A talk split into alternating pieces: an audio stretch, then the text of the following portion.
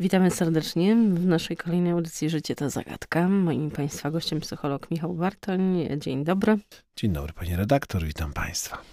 Dzisiaj, proszę Państwa, będziemy rozmawiać e, o okazywaniu uczuć. To jest jedna z najważniejszych spraw w związku i wydaje się rzeczą prostą, ale jednak nie każdy wie, jak to robić albo nie potrafi. No i właśnie dlaczego nie każdy umie pokazać swoje uczucia.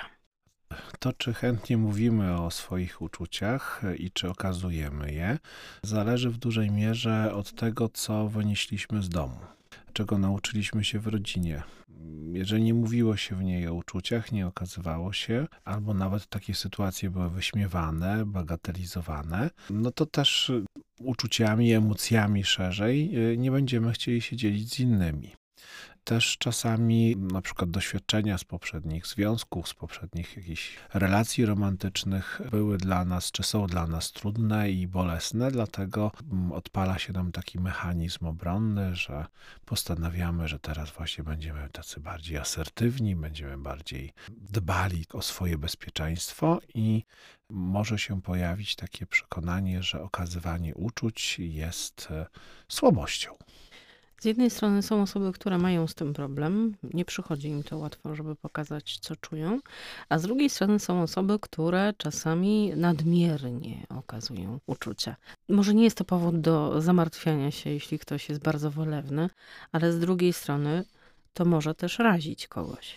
No zdecydowanie, jeżeli też są osoby o, o, innym temperamencie, albo są osoby, które są introwertykami, które raczej wolą taki spokój, e, ciszę i e, czują się bezpiecznie i dobrze jednak w takim wąskim gronie ludzi, albo nie lubią właśnie takiej przesadnej ekspresji, no to mogą być urażone. Możemy też przytłaczać swoją ekspresją albo nadmiernym okazywaniem uczuć. Także warto tak zadbać o taki złoty środek, czyli ani nie być mi niedostępnym, ani nie być zbyt wylewnym, bo też możemy zniechęcić człowieka do siebie i możemy sprawić, że będzie się czuł osaczony, przytłoczony naszą osobą.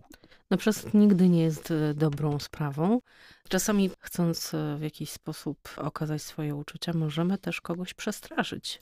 Czy w dobrej, satysfakcjonującej relacji też dajemy drugiej stronie przestrzeń?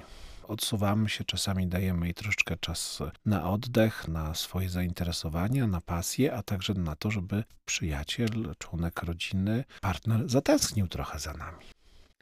Na jakie gesty najczęściej czekają kobiety, a na jakie mężczyźni? Bo tutaj jest trochę różnic w płci, w chęci okazywania i w potrzebach. Kobiety jak mówią badania, e, kobiety potrzebują, żeby wprost im na przykład powiedzieć, że się je kocha, że są wyjątkowe, że są piękne, że są pociągające. Kobiety cenią słowa i wyrażanie uczuć i najdrobniejsze codzienne gesty pokazujące, jak są dla swoich mężczyzn ważne. Nie za to, co zrobią, ale za to, jakie są. Natomiast mężczyźni działają nieco inaczej. E, oczywiście też chcą być kochani, ale mają też bardzo silną potrzebę bycia docenionym i szanowanym. E, dlatego oprócz tego, że mężczyzna lubi usłyszeć, że jest kochany, warto też jak gdyby nawet czasami przesadnie wyrazić podziw i docenić go za to, że odkręcił słoik z ogórkami albo z pulpetami od mamusi. Także mężczyźni potrzebują takiej właśnie atencji, potrzebują takiego podziwu za to, co robią. Mężczyźni najczęściej są zadaniowcami i też w ten sposób wyrażają swoją miłość. Czy jeżeli mężczyzna kocha swoją kobietę, no to jej w zimę ogrzeje samochód i przygotuje go do jazdy. Pojedzie nim na myjnie i go wypucuje, tak? I też czasami w ten sposób właśnie okazuje swoją miłość i to, że jakaś pani jest dla niego ważna. E, I lubi być za to tak troszeczkę jak mały chłopiec. Jak mały chłopiec nagrodzony. E, nagrodzony. Ale też chyba jest różnica między podejściem kobiet a mężczyzn, jeśli chodzi o te gesty czy słowa Ale bardziej e, skupmy się teraz na gestach, bo kobiety chyba bardziej patrzą na te wszystkie gesty romantyczne. My tak oczekujemy tych romantycznych chwil i tego romantycznego okazywania uczuć ze strony panów. Natomiast panowie bardziej praktycznie właśnie w gestach hmm. okazują, chociażby tym nagrzaniem samochodu. No tak, tylko że to właśnie takie to romantyczne, hollywoodzkie, literackie mm, wizja związku i miłości troszeczkę jest pułapką, bo e, to powoduje, że pojawiają się oczekiwania, które się nie spełniają, które się nie dzieją i później się pojawia rozczarowanie. Generalnie w psychologii mówi się o tak zwanych rytach wiążących, czyli to są takie właśnie drobne, codzienne gesty, które budują więź. I to właśnie okazywanie uczuć to także szacunek dla drugiej osoby, szacunek dla jej odczuć. W rytach wiążących takie najważniejsze jest przesłanie: myślę o tobie i z myślą o tobie robię to, co robię. Także każda para ma jakieś takie swoje gesty, swoje mm, zachowania, to co robimy dla naszego partnera, dla kogoś, kogo kochamy. I to jest takie też bardzo ważne w, w każdym związku. Także ja bym postawił znak równości, tak, między tym, co mówimy, a tym, w jaki sposób się zachowujemy wobec osób, które kochamy. Bo niewyrażone rzeczy czasami też e, mogą budzić znaki zapytania jakieś e, z drugiej strony. My się porozumiewamy werbalnie i niewerbalnie, czyli pokazujemy mową ciała, zachowaniem, czynnością, przekazujemy jakieś przesłanie, albo też robimy to w formie zwerbalizowanej, czyli po prostu wypowiadamy jakieś słowa. Więc warto zwracać uwagę zarówno na to, jakie gesty wykonujemy, co robimy, warto obserwować, czym jesteśmy obdarzani, no i też warto zwrócić uwagę na słowa, które padają między partnerami. Obserwujemy młodych zakochanych i im to okazywanie uczuć e, przychodzi z e, ogromną łatwością, a w wieloletnich związkach gdzieś to okazywanie uczuć umyka. Czasami patrzymy na pary i zastanawiamy się, czy ich jeszcze coś łączy kiedy nie widzimy tego okazywania drobnych gestów, e, czy też tej bliskości. E, więc e, czy mają rację te osoby, które mówią, że gesty mówią więcej, takie codzienności, niż okazywanie sobie uczuć? Czy ja bym postawił znak równości, bo można powiedzieć kocham cię, a można coś zrobić.